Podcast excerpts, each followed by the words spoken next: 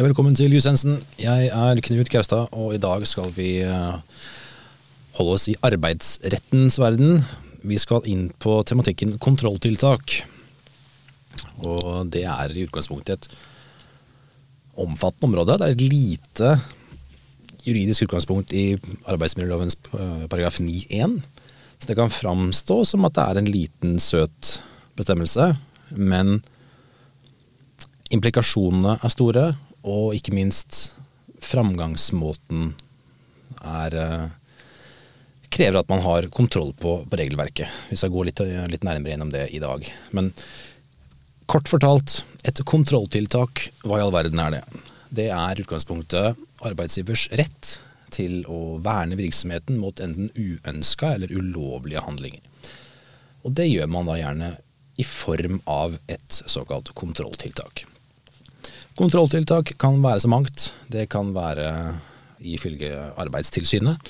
Så kan det være f.eks.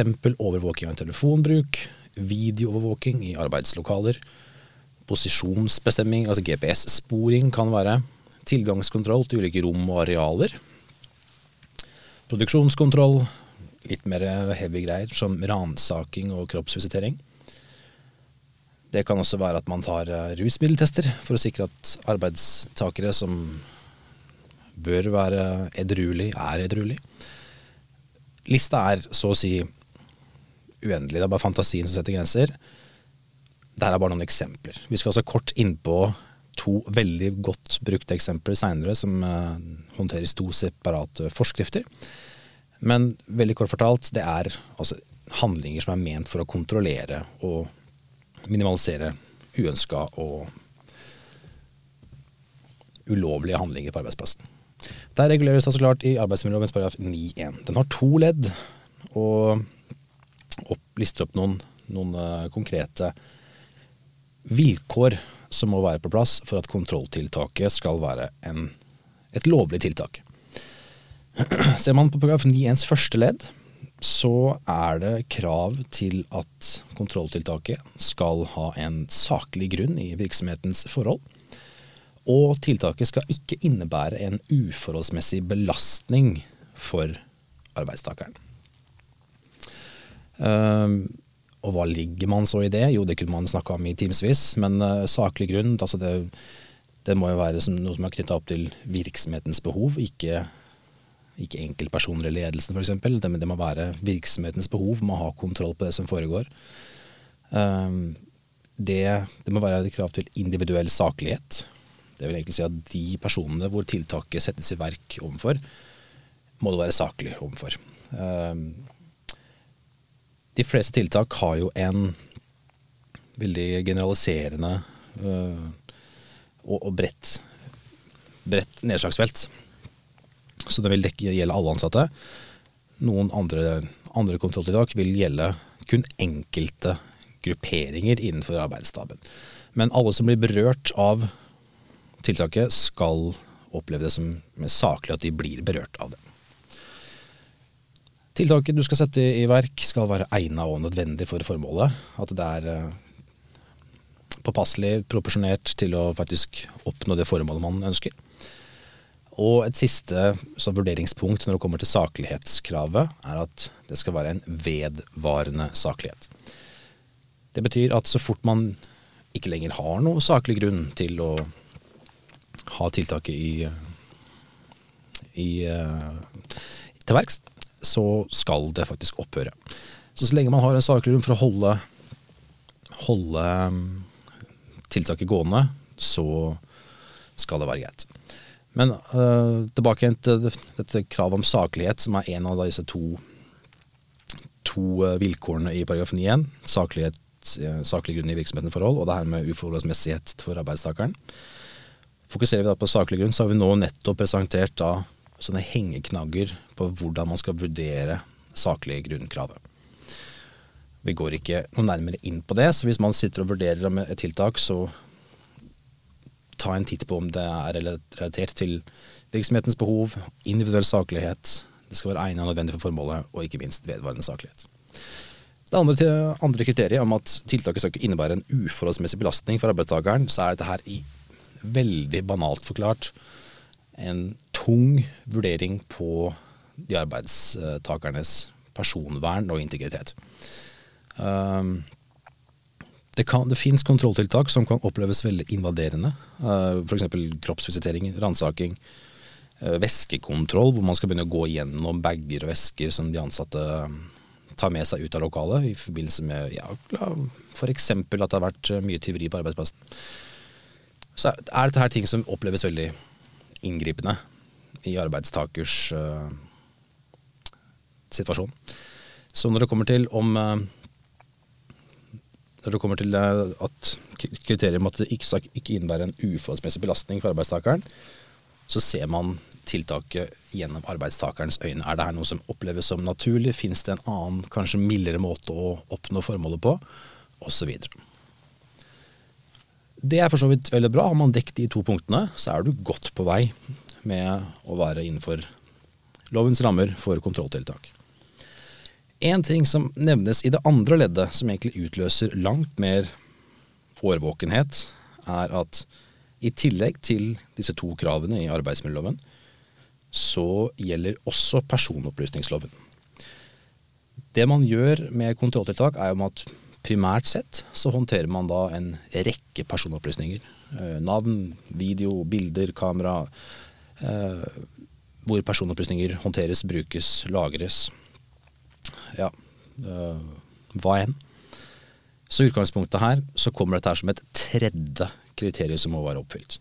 Du må sørge for at personopplysningslovens bestemmelser, og det er ganske mange, det har vi ikke tid til å ta i denne episoden her, men vi kommer litt nærmere inn på det under tematikken under personvern i egne episoder. Men sørg for at de grunnleggende bestemmelsene innen personopplysningsloven også er dekt før man iverksetter dette kontrolltiltaket. Jeg nevnte også innledningsvis at det fins to områder innen kontrolltiltak som faktisk er såpass hyppig, hyppig brukt eller hyppig, uh, hyppig uh, benytta i arbeidslivet at de har fått egne forskrifter. Og det er da for det første kameraovervåking i virksomhet. Det finnes en uh, forskrift som heter Forskrift om kameraovervåking i virksomheter. Den er egentlig en søt liten forskrift som uh, i tillegg til bestemmelsene i paragraf 9-1 med saklighet og øh, arbeidstakeres arbeidstakeres belastning, eller uforholdsmessig belastning, så finnes det også noen regler på når kameravåking kan benyttes.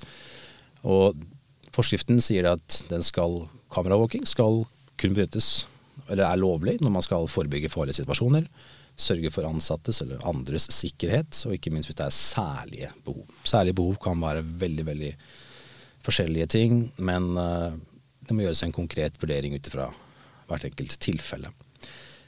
Denne bestemmelsen, eller denne forskriften, mer eller mindre, den gjelder for uh, alle som benytter seg av kameraovervåking. Det gjelder også de som bare har sånn dummy-kameraer, som ikke er noe annet enn en plastboks som ser ut som et kamera.